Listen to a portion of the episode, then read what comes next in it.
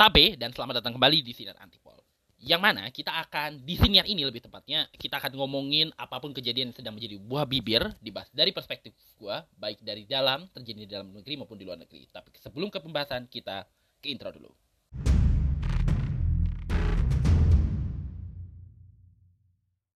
Satu hal yang menurut gua agak agak gimana gitu ya untuk gua adalah ketika siniar yang ngebahas isu-isu yang bu, maksud gue siniar ini mendapatkan isu yang lagi jadi bobby adalah isu orang sakit. Beneran deh itu hal teraneh gak sih ngebahas isu yang buah yang jadi buah bibir itu isu orang sakit? Mungkin kedengarannya aneh. Karena kita semua nggak kira itu orang kaya orang miskin baik yang jabatannya paling atas sampai yang paling bawah banget gitu ya yang paling bawah bawah banget itu pasti pernah merasakan sakit. Sakit apa pun baik ringan ataupun level berat kita semua pasti akan ada masanya akan sakit gitu ya. Kalau sehat pasti ada sakitnya. Pasti itu. Uh, terutama orang miskin ya. Uh, tapi kalau misalnya dan di sisi lain ya maksud gue berita orang sakit orang miskin sakit lalu ditaruh rumah sakit itu udah sering kita dengar. Tapi berita sakit ini agak menarik menurut gua. Karena yang sakit, yang jatuh sakit ini adalah seseorang yang bisa dibilang menteri yang cukup penting lah di kabinetnya Pak Jokowi dan disorot karena selain sebagai Menko, dia juga memegang banyak sekali posisi-posisi yang apa sih bisa dibilang posisi-posisi yang cukup penting gitu. makanya dibilang menteri yang cukup penting lah di eranya Pak Jokowi. Kita akan ngebahas Luhut Binsar Panjaitan. Uh, mungkin di antara lu semua uh, mungkin udah sering mendengar uh, udah mendengar lah berita tentang Pak Luhut yang katanya dirawat di sebuah rumah sakit di Jakarta bahkan belakangan dikabarkan akhirnya harus dirawat di luar negeri juga. Dan sakitnya beliau ini ternyata eh, kita dengar berita Pak Luhut uh, ya menyikapi atau menanggapi kritik-kritik terhadap uh, bisa dibilang orang-orang yang berseberangan dengan beliau atau berseberangan dengan pemerintah itu udah kita udah sering lah gitu ya. Dan nampaknya beliau Pak Luhut ya Pak Luhut Opung Luhut ya. Ini bisa dibilang karena saking pentingnya kelihatan bahwa kayak Pak Jokowi itu atau Presiden Jokowi ya berusaha untuk mempertahankan beliau gitu. Di tengah besarnya uh, kritik yang disampaikan publik gitu ya dari masyarakat umum sebagai masyarakat umum teman-teman masyarakat sipil uh, orang-orang gitu ya. Bahkan sampai ada yang sampai masuk ke ranah pengadilan kan akhirnya. Semakin dikritik justru semakin beliau tuh terlihat dipercaya gitu. Dalam berbagai urusan. Uh, salah satu yang paling nyata adalah waktu pandemi. Ini yang gue rasakan langsung. Pak Luhut itu kan dipertanggungjawabkan. Sebenarnya kan komite penanganan uh, COVID dan pemulihan ekonomi nasional atau KPCPEN yang sekarang udah dibubarkan itu itu kan apa ya istilahnya ya? Itu kan penugasan utamanya yang ditugaskan utama untuk menangani ini kan Menteri Menko Perekonomian Pak Erlangga Hartarto. Dibantu sama Menkes uh, Pak Budi Gunadi Sadikin uh, kepala BNPB saat itu kayaknya kepala BNPB-nya udah ganti deh waktu itu. Atau masih Pak Doni Monardo ya atau Pak Doni Monardo uh, transisi ke yang ketua yang uh, kepala BNPB yang sekarang. Terusnya ada Pak Yuri uh, almarhum uh, sekretaris Kementerian Kesehatan. Terusnya cukup banyak yang ada dalam BNPB eh, di dari BNPB, Kemenkes, eh, Kemenko Perekonomian karena salah satu cakupan dari tim ini kan menang memulihkan situasi pandemi di saat bersamaan juga memulihkan ekonomi yang terdampak pandemi ketika itu. Tetapi karena 60 sebagian setengah daripada kasus COVID saat itu berlangsung di Pulau Jawa dan Pulau Bali ketika itu. Ya karena penduduknya cukup banyak, aktivitas ekonomi terbesar memang di pulau itu juga di Jawa dan Bali ini, makanya posisi entah gimana ceritanya, Pak Luhut yang dipercaya jadi yang nanganin PPKM Jawa Bali. Karena waktu itu PPKM kan di mengurus eh, kayaknya koordinator eh, pelaksana eh, PPKM deh. PPKM itu kan pembatasan kegiatan masyarakat ya waktu itu. Dan kita pernah ngerasain juga. Berapa kali gue bikin potretan PGBLK namanya. Itu project gue. Ada di Instagram gue di lensa underscore. Kalau lu lihat itu foto-foto gue memotret situasi pandemi ketika itu. Yang mana dampak terhadap ekonomi sangat besar, terutama ke rakyat kecil. Ke pengaku ekonomi yang uh, apa sih mikro salah satunya. Dan aktivitas ekonomi yang pesat ini secara nggak langsung kan juga menyebabkan resiko terhadap penularan jadi tinggi kan. Dan memang yang paling tinggi memang di di Jakarta, Pulau Jawa secara keseluruhan dan Pulau Bali. Makanya tugas ini gak di pada akhirnya akhirnya dipercayakan kepada Pak Luhut untuk nanganin ini semua. Termasuk untuk penentuan wilayah mana yang waktu itu kan ada ada empat level ya. Level satu itu yang pembatasan besar-besaran, kedua ada kelonggaran sedikit sekitar 25%. Kalau level 3 50 per 50 sampai 75, level 4 udah boleh 100. Udah boleh semua diadakan. Ya. Jadi maksudnya kalau level 1 itu waktu itu gue inget banget kasusnya lagi tinggi-tingginya. Level 2 ada penurunan dan tingkat vaksinnya uh, udah cukup lumayan. Level 3 berarti udah hampir 90%. Uh, waktu itu kan uh, jadi dua tahap ya. Uh, waktu itu vaksinnya kan dua kali plus tiga booster namanya. Plus belakangan yang level 3 itu termasuk juga booster kan pada akhirnya. Dan level 4 itu udah keseluruhannya. Dan menangani PPKM Jawa Bali itu butuh waktu setahun. Setahun buat nanganin itu semua. Dan Pak Luhut yang nanganin itu semuanya. Termasuk waktu itu kan Jakarta udah salah satu yang paling kerasa sama gue adalah waktu itu kan Jakarta lagi pandemi. Jakarta udah 80% tuh. Uh, dengan sedikit uh, dipush sama Pak Anies ya, Mas Anies waktu gubernur Jakarta biar masyarakat pada vaksin gitu ya karena pentingnya Jakarta sebagai kota ekonomi dan besarnya dampak pandemi terhadap kegiatan di Jakarta ketika itu. Dan hampir semua dari pertelevisian sama ini kan ada di Jakarta kan. Makanya dipush supaya cepet pemulihannya bisa cepet gitu. Jakarta ya udah udah lumayan 80% beberapa kota udah lumayan. Tapi karena aglomerasinya Jakarta itu masuk Jabodetabek termasuk Kabupaten Tangerang dan Kabupaten Bogor nggak bisa langsung naik level karena di Bogor sama di Tangerang itu tingkat vaksinasinya rendah. Nah, di sini Pak Luhut akhirnya masuk. Masuk akhirnya. Kabupaten Bekasi, Kota Bekasi, Kota Depok. Gue nggak tahu Kota Bogor masuk atau enggak. Uh, Tangerang Kota, Tangsel dan Kota Tangerang sama Jakarta akhirnya dipisahkan dengan dari Kabupaten Tangerang dan Kabupaten Bogor ya. Waktu itu uh, vaksinasinya rendah. Sehingga dengan dipisahkan dikeluarkannya uh, dua atau tiga kabupaten kota di area Jabodetabek ini Jakarta bisa naik level 2 pada akhirnya.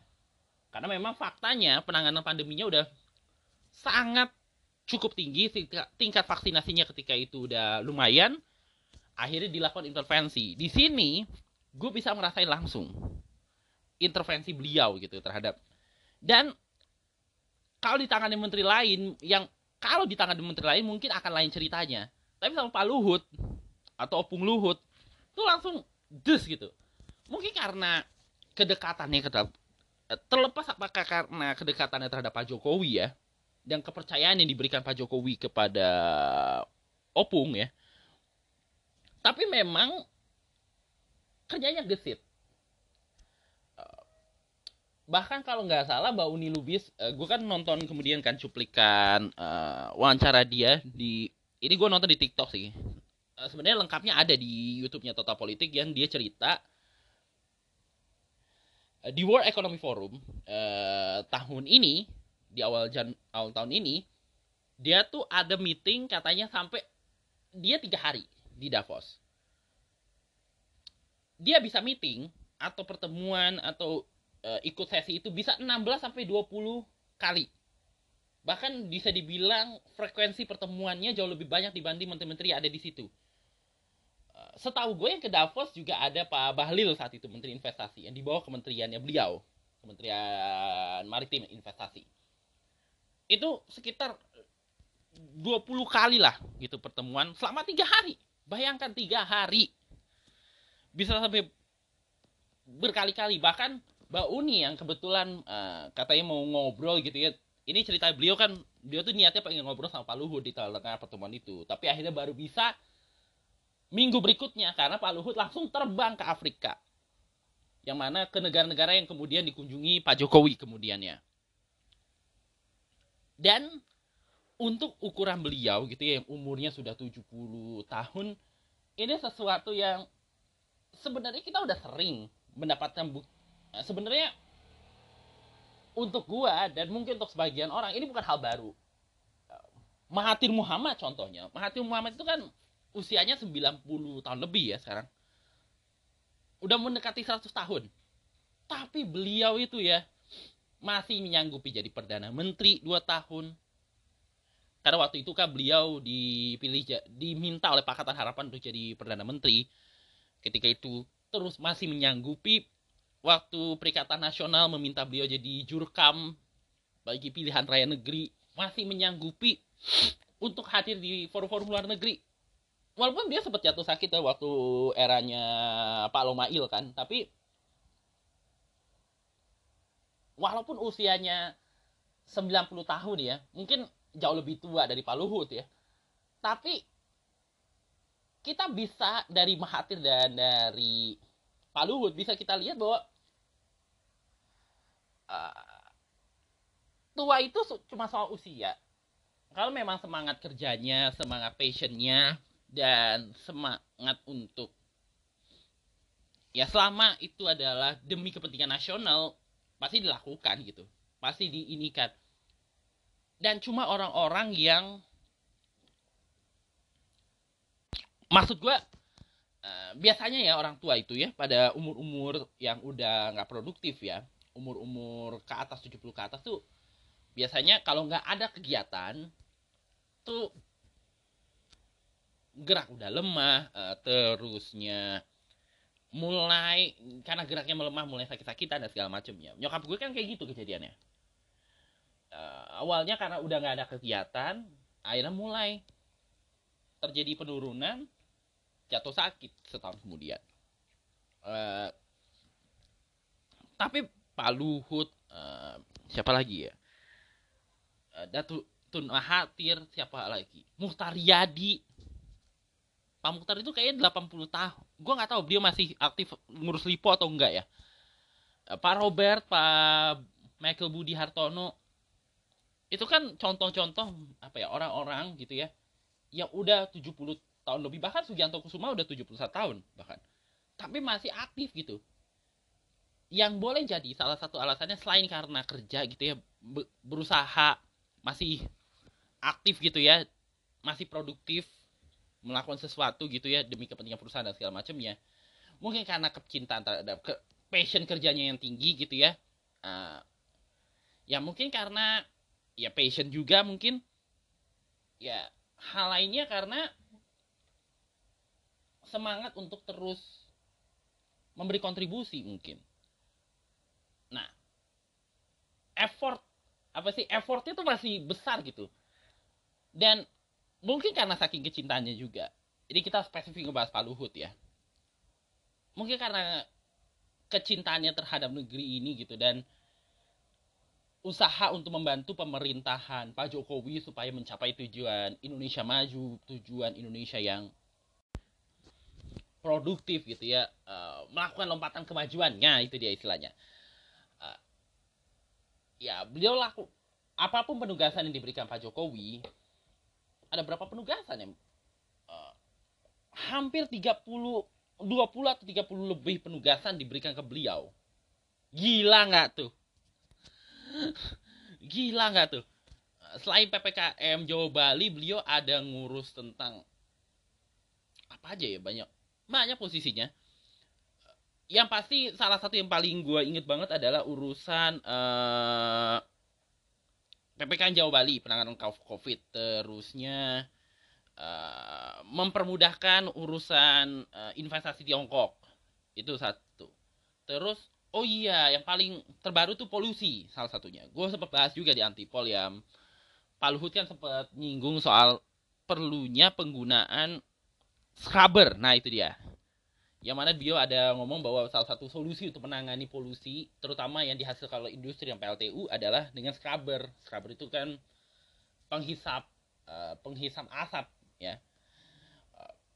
Banyak banget gitu penugasan ter uh, Pak Luhut yang dijalankan Pak Luhut gitu bagi menangani uh, banyak masalah gitu yang harus ditangani pemerintahan Pak Jokowi. Dan nah ini yang akhirnya kemudian banyak uh, ada yang merasa bahwa ini adalah bagian untuk me, memastikan uh, mungkin juga adalah bagian dari usaha Pak Jokowi untuk menangani masalah ini dengan cepat gitu. Dan karena Pak Luhut itu dilihat oleh Pak Jokowinya kerjanya selalu baik gitu ya kerjanya selalu bagus terusnya sangat cepat gitu ya menangani setiap persoalan gitu ya.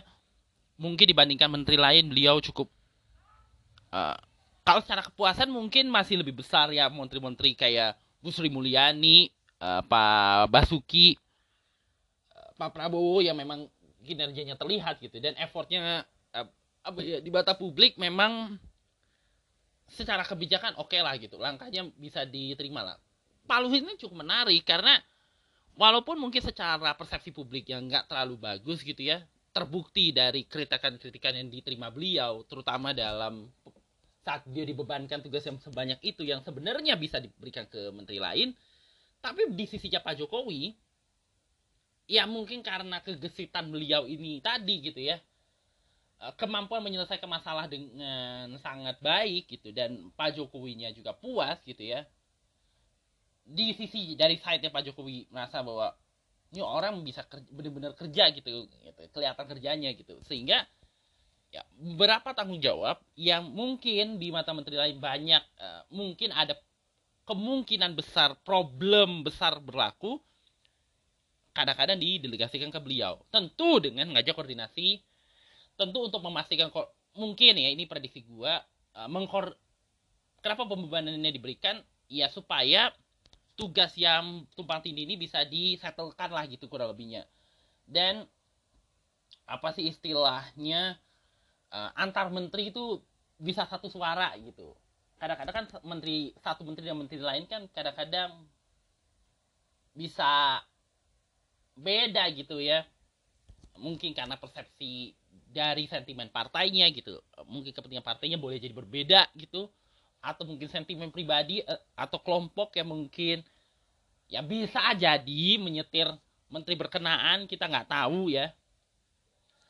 Uh, kadang kayak kasusnya Pak Syahrul aja kan itu kita bahkan nggak nyangka bahwa beliau akan terjerat kasus itu kan. Ada ternyata ada problema uh, kepentingan keluarga di balik pro, pemberian proyeknya dia yang akhirnya buat dia uh, jadi tersangka kan. Kita nggak pernah nyangka itu akan terjadi. Tapi di luar itu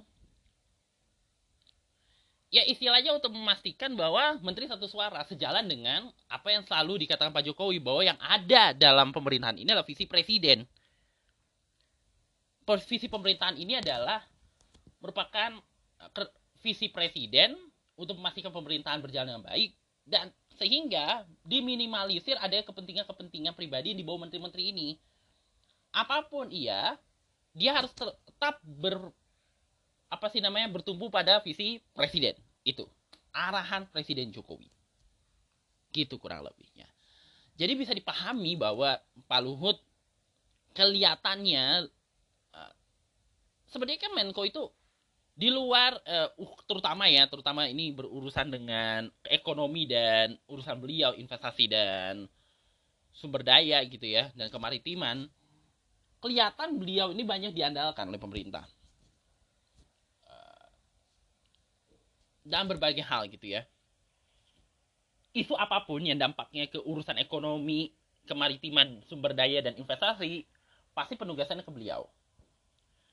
Nah besarnya beban ini yang akhirnya kemudian disorot publik karena kelihatannya loh yang satu karena yang satu karena justru menunjukkan ketidakmandirian Presiden Jokowi uh, ada juga yang merasa bahwa seakan-akan Pak Jokowi ini tidak percaya pada menterinya sendiri. Ada tuh kritikan. Sempat dibahas sama Panji juga di stand up dia di acaranya Mata Najwa juga. Dan mungkin juga ada yang mengkritik karena faktor usia juga. Karena kan beliau 70 tahun. Masa sih orang yang udah tua udah umurnya segitu kok dibebankannya tugasnya banyak banget gitu. Kayak nggak nggak make sense lah kalau kata anak muda zaman sekarang ya gue habis nonton ini apa di TikTok itu kan uh, videonya Coach Tom lagi ngobrol dengan seseorang dia bilang Gen Z itu salah satu tipikalnya adalah milih-milih kerjaan. Kalau kerjaan yang gak make sense, pasti mereka gak akan ngambil. Gitu. Nah, tapi kalau ada satu hal yang bisa kita lihat dari Pak Luhut dan pembebanan tugas tugas beliau yang banyak banget gitu sebagai Menko itu adalah dan mungkin jadi alasan kenapa akhirnya Pak Luhut selalu pemilihan Pak Luhut tuh selalu dipercayakan untuk posisi-posisi yang mungkin di luar tugas sebenarnya beliau sebagai koordinator uh, maritim dan investasi adalah karena effortnya gede. Effortnya luar biasa gitu untuk memastikan bahwa masalah ini bisa settle. Cowok itu ya kalau punya effort pasti akan lakukan berbagai cara. Ya tentu harapannya sih berbagai cara itu dengan proses yang benar dengan proses yang baik gitu ya. Dengan mengikuti prosedur perundangan yang baik gitu ya. Ya effort yang mengikuti uh, prosedur gitu maksud gua. Dan Pak Luhut ini bisa dibilang uh, figur yang memang effortnya luar biasa gitu untuk makanya beliau akhirnya dipercaya terus dipercaya terus. Kalau kerja pasti selesai.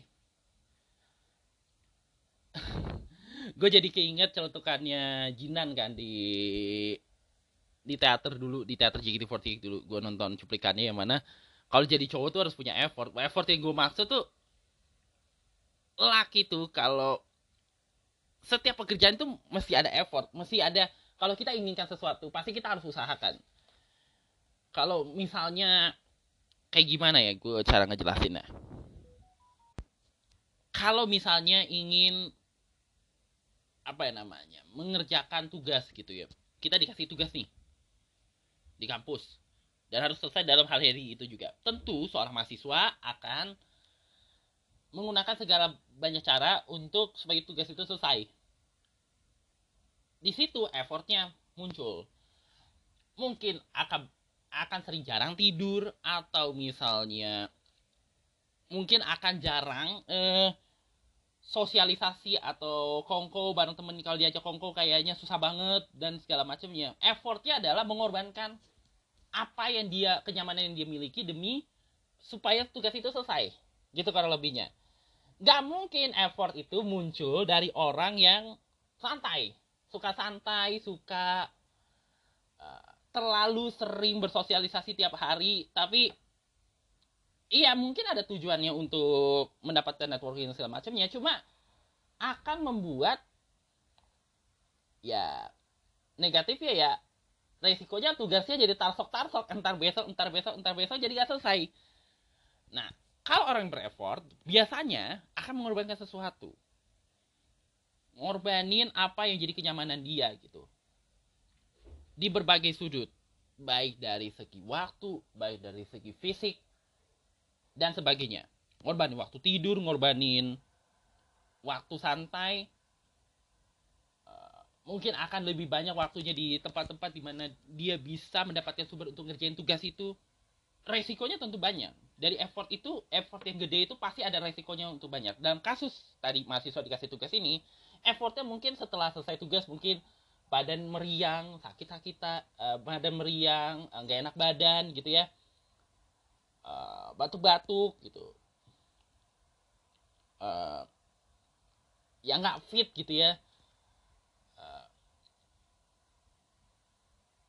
Kalau nggak makan yang bener-bener bisa nggak mau mengonsumsi makanan yang tidak tepat untuk men, apa ya istilahnya kalau konsumsi makanannya atau ini apa sih namanya konsumsi obat gitu ya atau apa pun ya yang bukan untuk membuat dia badannya fit ah bener siap-siap aja gitu jatuh sakit atau misalnya kena tipes atau apa pun gitu. Nah, ini juga terjadi sama Luhut uh, gue nggak tahu ya tapi pasti kalau udah effort segede itu ya dengan pekerjaan sebanyak itu dengan penugasan sebanyak itu itu situasinya mirip sama orang yang dapat tugasnya berlebihan kadang lembur kadang segala macam ya resikonya tentu ke kesehatan apalagi Pak Luhut sudah 70 tahun dan akhirnya terjadilah seperti yang apa yang diberitakan bahwa uh, Pak Luhut sekarang uh, sedang dirawat di rumah sakit. Di kabarnya seperti yang tadi gue bilang udah uh, dirawat di rumah sakit di Jakarta. Uh, terusnya uh, apa ya istilahnya bahkan sekarang sudah dirawat di Singapura dan sekarang posisi Menteri Koordinator Maritimnya dipegang sama Pak Erick Thohir. Pak Eri sama Pak Luhut ini dua orang kepercayaan Pak Jokowi, BTW ya. Dan kalau ngerjain sesuatu tuh pasti bener-bener dikerjakan dengan sangat baik. Tapi yang gue mau jadi POV dari pembahasan ini adalah Pak Luhut umurnya sekarang 76 tahun. Dan dengan yang demikiannya itu, beliau gini aja wajar ya kayak Mbak Uni ceritakan di video itu juga bahwa dia umurnya 20 tahun lebih muda bayangkan Mbak Uni Lubis yang cerita di di kontennya Toto Politik yang dikutip di YouTube eh di YouTube di TikTok itu cerita kalau waktu uh, umurnya 50 tahun. Udah 50 tahunan lah. Pak udah 75 76 lah.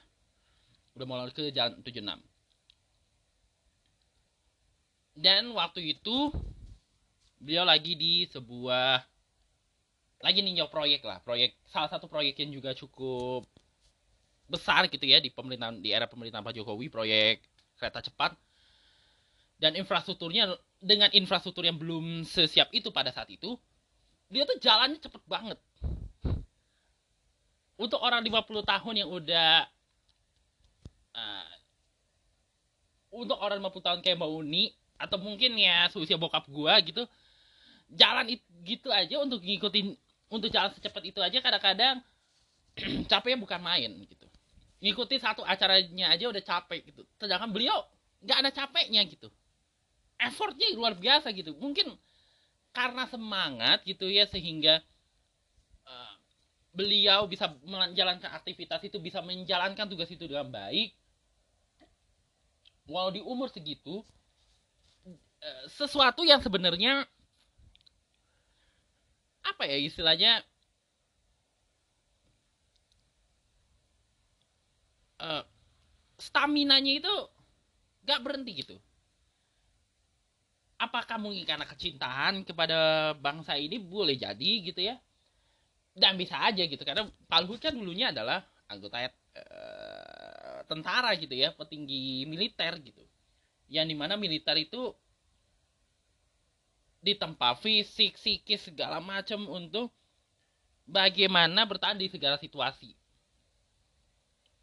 Prajurit tuh. Dan menghadapi banyak orang. Beliau ini kan salah satu karir yang karirnya mentok lah ya karena sebagai anak buahnya Benny Murdani dan Benny Murdani saat itu situasinya sulit karena uh, sikap yang berubah dari pada Pak Harto ketika itu yang membuat karirnya akhirnya mandek sehingga begitu kemudian di era reformasi beliau kemudian diberikan kepercayaan oleh Gus Dur kemudian sekarang diberi kepercayaan oleh Pak Jokowi. Dan secara kebetulan Pak Jokowi dan Pak Luhut ini memang deket gitu ya teman bisnis gitu ya istilahnya dan menjalankan tugas Pak Jokowi dengan sangat baik sehingga wajar ketika dalam mengerjakan tugas itu beliau tuh istilahnya nggak mau diganggu lah gitu.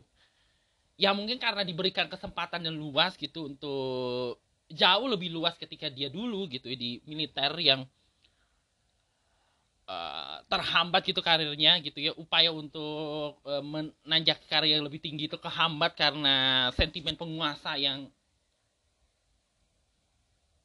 merasa bahwa Pak B orang-orang yang Beni ini banyak yang merupakan ancaman ketika itu. Akhirnya kemungkinan ini ini ini prediksi gua.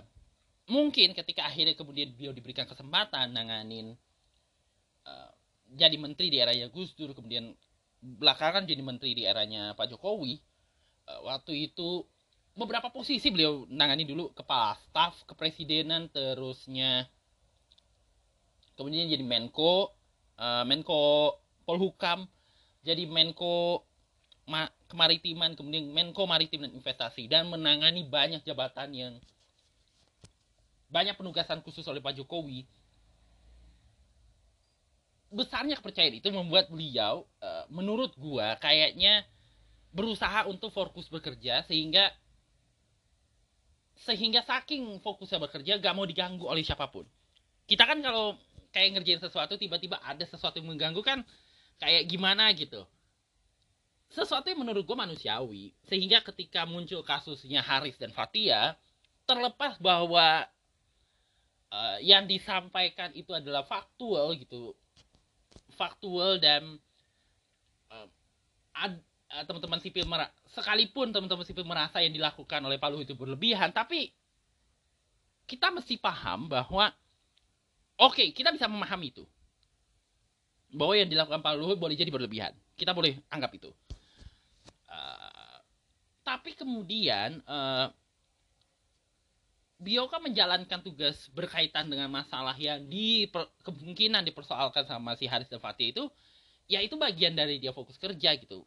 Ketika dia fokus tiba-tiba direcokin eh ini salah bla bla bla macam ya kita sebagai yang mengerjakan itu kan kayak ngerasa apaan sih lo kayak sok ngerti aja kerjaan gue lu nggak tahu susahnya gue nanganin kerjaan ini gitu kan? Kita sering banget itu tugas kelompok kayak kita lagi fokus kerja yang lain pada main aja. Ketika eh ini ini, ini bla bla bla segala macam gitu komen segala macam ya kita wajar dong kalau kita kesel gitu. Yang sesuatu yang gue bisa pahami kepada terjadi sama Palu dan kasusnya Haris Fatia salah satu mungkin salah satu contoh kasus bagaimana orang yang fokus kemudian direcokin. Ya kita paham bahwa kritik itu perlu bagi pemerintah gitu ya. Bagi orang-orang berkuasa itu kritik perlu gitu ya. Dan memang suara-suara yang uh, kritis itu perlu untuk memastikan pembangunan tidak berjalan dengan baik sesuai dengan prosedur dan prosedural nih perundangan dan segala macamnya ya. Dan uh, tetap ada tujuan utamanya bukan justru sebaliknya. Itu kita bisa pahami kritik-kritik itu. Cuma seninya mesti beda. Nggak bisa semua pukul rata uh, dikerasin sama aja gitu. Yang muda ya kalau muda kan bisa kita ajak dialog. Yang pertengahan mungkin ada hal-halnya. Tapi untuk orang si tipikal Pak Luhut yang 70 tahun ke atas eh, kritisme itu nggak bisa pukul rata juga. Maksud gua mesti dengan cara-cara yang bener-bener ya menyesuaikan dengan situasi umurnya gitu loh. Itulah kenapa ketika bagi beliau tuh kayak kerasa kayak kelihatan banget sih kerasa bahwa beliau tuh kayak merasa diinin di dari berbagai sisi gitu. Walaupun ada yang memang mengkritik tapi memang ada yang mengkritik kayak Rocky Gerung kayak Riza Ramli tapi kan beliau kritisnya berdasarkan keilmuan mereka gitu. Pak Ruki adalah seorang pengajar filsafat Pak Riza Ramli adalah peneliti ekonomi dan dia bicara sesuai dengan kontekstualnya gitu. Cuma yang jadi masalah adalah publik yang lain yang memanfaatkan mulai jadi memanfaatkan itu sebagai pembenar atas apa yang mereka lakukan. Cuma caranya kelihatannya kayaknya sulit diterima oleh mungkin sulit dicerna oleh Pak Luhut yang karena menyampaikan sesuatu menasihati orang yang udah atau memberikan uh, pandangan gitu ya yang mungkin berbeda untuk orang yang berumur uh, berumur seperti Pak Luhut itu sangat berbeda gitu. Itulah kenapa uh, gue kan uh, menurut gue ya orang yang effort ya sebesar itu pasti ada sisi capeknya. Sehingga kadang-kadang sisi capek itu membuat kita mesti ingat jangan sampai uh, ketika beliau capek tiba-tiba kita mengatakan sesuatu yang malah membuat dia merasa kayak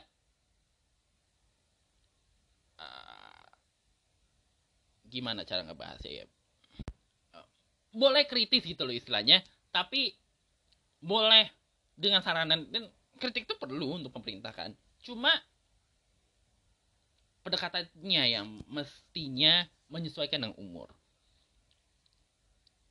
Dan itulah kenapa ketika kemudian muncul sebuah buku-buku uh, tentang Ludin Sarpanjaitan di mata banyak pihak ini ini udah sering lah kita denger ya uh, sering uh, ada buku yang membahas sebuah tokoh tapi bukan dari sudut seorang lu bisa cerita tapi dari sudut teman bukan dari sudut seseorang tapi dari sudut orang lain. Dan secara kebetulan ada buku tentang beliau yang ditul uh, di penulisannya diinisiasi oleh Pak Peter Gonta Bang Peter Gonta salah satu uh, apa sih namanya tokoh yang juga cukup dekat dengan beliau yang mana buku ini cukup menarik. Gue sempat baca juga waktu kemarin kan gue sempat mampir ke Gandaria City karena ada perform of airnya JKT yang agak agak agak crash saat itu.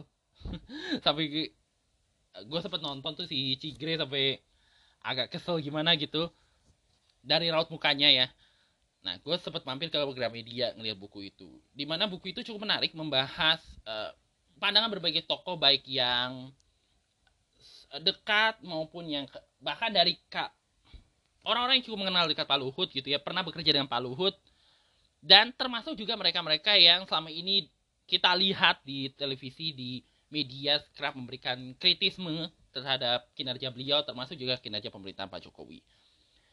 Uh, ada Rocky Gerung ada Pak SB Pak SB kan dan Partai Demokrat kan salah satu yang paling sangat kritis terhadap pemerintahan Pak Jokowi kan uh, terusnya Pak JK juga.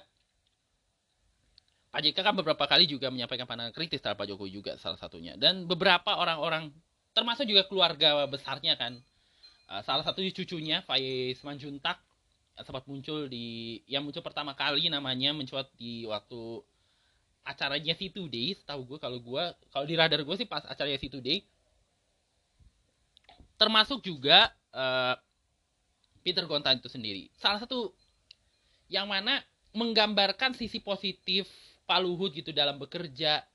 Bagaimana dia tuh banyak idenya. Sesuatu yang gue bisa rasa salah satu alasan kenapa beliau bisa dipercaya seperti itu. Terusnya beliau uh, ya semua pendapat-pendapatnya pada intinya positif ke Pak Luhut gitu intinya kalau kata Mbak Uni Lubis dan kelihatan dia tuh muncul di berbagai situasi. Bagaimana salah satu yang menarik di buku itu ya adalah bagaimana beliau tuh muncul di berbagai situasi yang di mana beliau memang masih turun. Salah satunya adalah uh, ini ceritanya Pak Peter ya, Peter Gonta yang ini sempat terbaca sama gua. Dia kan jadi anggota Dewan Pakar Nasdem ya dan situasinya ketika itu lagi ada komunikasi yang agak mandek lah antara Nasdem dengan Presiden Jokowi. Kan Nasdem mendeklarasi memutuskan untuk mendukung Anies Baswedan ya sebagai capres. Dan Anies itu adalah calon yang bisa dibilang agak berseberangan dengan pemerintah. Kelihatannya berseberangan dengan pemerintah. Sehingga ada like sedikit lah. Mungkin antara orang yang dekat dengan Pak Jokowi dengan Nasdem. Kelihatan kayak ada tembok lah gitu. Sehingga satu ketika diutuslah Pak Luhut. Mungkin prediksi gue diutus oleh Pak Jokowi untuk bertemu Bang Surya melalui Bang Peter di luar negeri.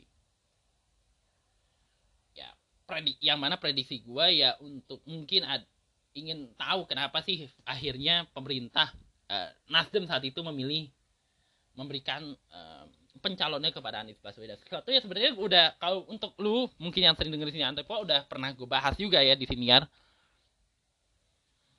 yang intinya banyak pandangan-pandangan yang menurut gua cukup menarik gitu ya. Dan buku itu membuat lah buku itu juga saat peluncuran buku itu juga dikabarkan uh, menurut kabarnya beliau sampai nggak menyangka bahwa pandangan orang kepada beliau tuh different reason gitu. Sehingga gimana caranya? Gue tahu mungkin episode ini agak kepanjangan ya untuk di uh, pembahasannya tapi inti dari pembahasan ini adalah menurut gue adalah uh, semakin orang berumur tuh tentu kalau normalnya biasanya seharusnya bisa memang akan seharusnya memang idealnya bisa lebih bijak. Tapi untuk seorang pekerja keras dia walaupun umur setua apa pun selama diberi kesempatan untuk tetap bekerja, dia akan berusaha dengan effort effort yang besar gitu ya untuk memastikan bahwa kerja itu tuntas. Karena kalau tidak, ya akan jadi penyesalan gitu, kayak yang terjadi sama Pak siapa tuh Emil Salim. Eh, ini gue pernah denger langsung dari beliau. Beliau kan terima penghargaan terus dia tolak. Salah satu alasan penolakannya karena dia ngerasa gagal sebagai menteri. Dia menandatangani sebuah keput, uh, kesepakatan terkait perubahan iklim. Dan setelah tiga dekade kemudian dia dapat laporan, dia baca laporan itu yang ternyata laporan itu tidak berhasil dan Indonesia dan semua negara dunia semuanya sama, tidak mampu melaksanakan perjanjian itu sehingga beliau kayak merasa bersalah lah gitu jadi men sebagai seorang lelaki gitu ya sebagai seorang yang bekerja berusaha dengan effort besar aja yang seperti Pak Emil Salim aja bisa merasa bersalah gitu. Bisa merasa gagal gitu. Kadang-kadang kita dalam dunia pekerjaan dunia ini akan selalu menghadapi tantangan. Tapi kita akan berusaha sedaya upaya untuk mencapai apa yang kita inginkan. Walaupun kadang-kadang realitanya wow gitu kadang-kadang membuat kayaknya sukar deh nih. Kalau secara hitungan buminya kayaknya sukar deh gitu. Nah kembali lagi ke celet uh, keceletukannya Jinan ya soal jadi cowok harus punya effort. Yang dasarnya adalah dari ceritanya Roro Jonggrang. Uh, yang mana kalau sang kuryang aja bikin seribu candi aja gagal mendapatkan hati Roro Jonggrang gitu ya apalagi kita gitu kalau kita nggak mampu mengerjakan itu udah mengerjakan dengan baik tapi kadang-kadang orang tidak bisa melihat kita secara positif juga mau tidak mau kita harus berusaha membuktikannya dengan lebih keras lagi walaupun kadang-kadang realitanya nggak sesuai dengan apa yang kita harapkan. Dan dalam kasusnya Pak Luhut bin Sarpanjaitan ya sebagai orang effortless effortnya luar biasa gitu ya dalam menjalankan tugas pemerintahan. Semestinya ya sekalipun beliau adalah seorang pejabat pemerintah yang memang perlu dan memang memang ada keperluan untuk dikoreksi kita harus memas, uh, melihat bahwa koreksi itu harus dilakukan menyesuaikan dengan uh, kemampuan kerja yang beliau lakukan. Bahwa mungkin yang dilakukan uh, hal yang dilakukan terhadap beliau itu mungkin tidak tepat gitu ya. Tapi menurut gue tidak boleh sampai jangan sampai ke kurang ketidaksetujuan kita kepada pemberian tugas yang tidak tepat itu membuat kita jadi hilang respect jadi hilang simpati gitu. Uh, kritis boleh tapi jangan sampai menyakiti. Kembali lagi tadi ke bagian ini effortnya orang itu harus dihargai dengan setidaknya dengan memberikan koreksi yang membangun. Koreksi yang uh, tidak sporadis gitu. Itulah kenapa kalau gue bisa main mungkin apa ketika uh, Pak Rocky Gerung atau Bang Rizal mungkin ya mengkritisi atau Pak SBY mengkritisi beliau mungkin beliau masih bisa ini tapi giliran uh, Haris sama Fatih akhirnya berujung di pengadilan. Karena ya gak bisa pukul rata guys. Kalau mau menyampaikan sesuatu yang bersifat kritis itu harus tahu orang dan harus tahu tempat dan harus uh, menyesuaikan gitu. Yang muda kayak gimana yang pertengahan kayak gimana yang udah lansia kayak gimana gitu. Pak Luhut kan hitungan lansia ya udah usia lanjut kan udah 70 ke atas kan. Harus bisa menempatkan diri. Kalau enggak ya lu akan mengalami situasi yang agak mungkin agak kikuk gitu. Sekalipun mungkin lu benar. Jadi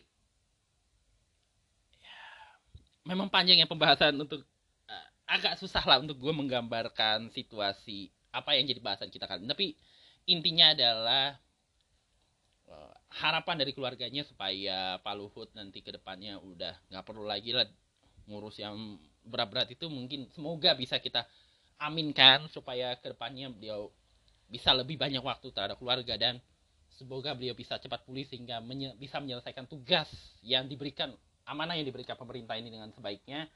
Dan di sisi lain kita jadikan semua ini sebagai pengajaran gitu ya. Se-effort apa pun orang pasti akan ada sisi-sisi di mana orang itu publik itu mungkin bisa melihat lain. Ya dikerjakan mungkin udah cukup baik. Tapi mungkin publiknya melihat lain karena ada sisi yang kita nggak tahu. Tapi sekalipun itu effortnya beliau itu setidaknya bisa tetap kita harus tetap menghormati beliau lah gitu ya. Sekritis apa pun itu. Dan sekalipun mungkin effortnya kurang sesuai dengan apa yang diharapkan setidaknya kita bisa membantu gitu. Bukan hanya uh, kalau saran pasti ya itu tapi juga bisa beraksi walaupun mungkin tidak besar gitu untuk memastikan apa yang dikerjakan itu sesuai dengan apa yang menjadi target ke depannya kritis boleh skeptik boleh tapi jangan sampai mengurangi optimisme jangan sampai membuat kita jadi malah menghambat usaha untuk ke arah kebaikan. Sesuatu yang menurut gua jadi prinsip di siapa pun nanti yang memimpin. Dan di sisi lain, ini juga jadi pengajaran sih menurut gua. Uh, terutama untuk mereka-mereka yang akan akan berkontestasi nih. Uh, menurut gua pemerintah yang ke depan, pemerintahan ke depan setelah ini ya, yang setelah Pak Jokowi ini, uh, car kita bisa nyari orang harus bisa nyari menteri koordinator gitu ya seorang koordinator menteri. Kalau misalnya menteri koordinator diadakan menteri yang bisa memastikan bahwa tumpang tindih antar kementerian itu bisa diatasi. Dan memang ngerti cara me bisa merangkul, bisa mengajak kolaboratif. Dan bisa me apa sih nama menginterpretasi arahan presiden yang dengan sebaiknya sehingga kasus Pak Luhut ini yang boleh jadi juga karena mungkin kelambanan juga dari pihak menteri lain yang atau kekurang berhasilan menteri lain untuk mengkoordinasi ini tidak terjadi lagi ke depannya di pemerintah ke berikutnya sehingga setiap persoalan dapat diatasi secara kementerian dan bisa disepakati juga. Gitu loh. Jadi right man in right side dan di sisi lain juga bisa mengkoordinasi. Jadi panjang ya pembahasan kita untuk episode kali ini, tapi semoga ada manfaatnya. Bila ada yang kurang uh, uh, maham harap dimaklumi kan ini dibahas dari perspektif gua. Dan itu aja episode kali ini kita berjumpa di pembahasan berikutnya dari perspektif gua di sini Antipol New Era. Sampai bertemu lagi.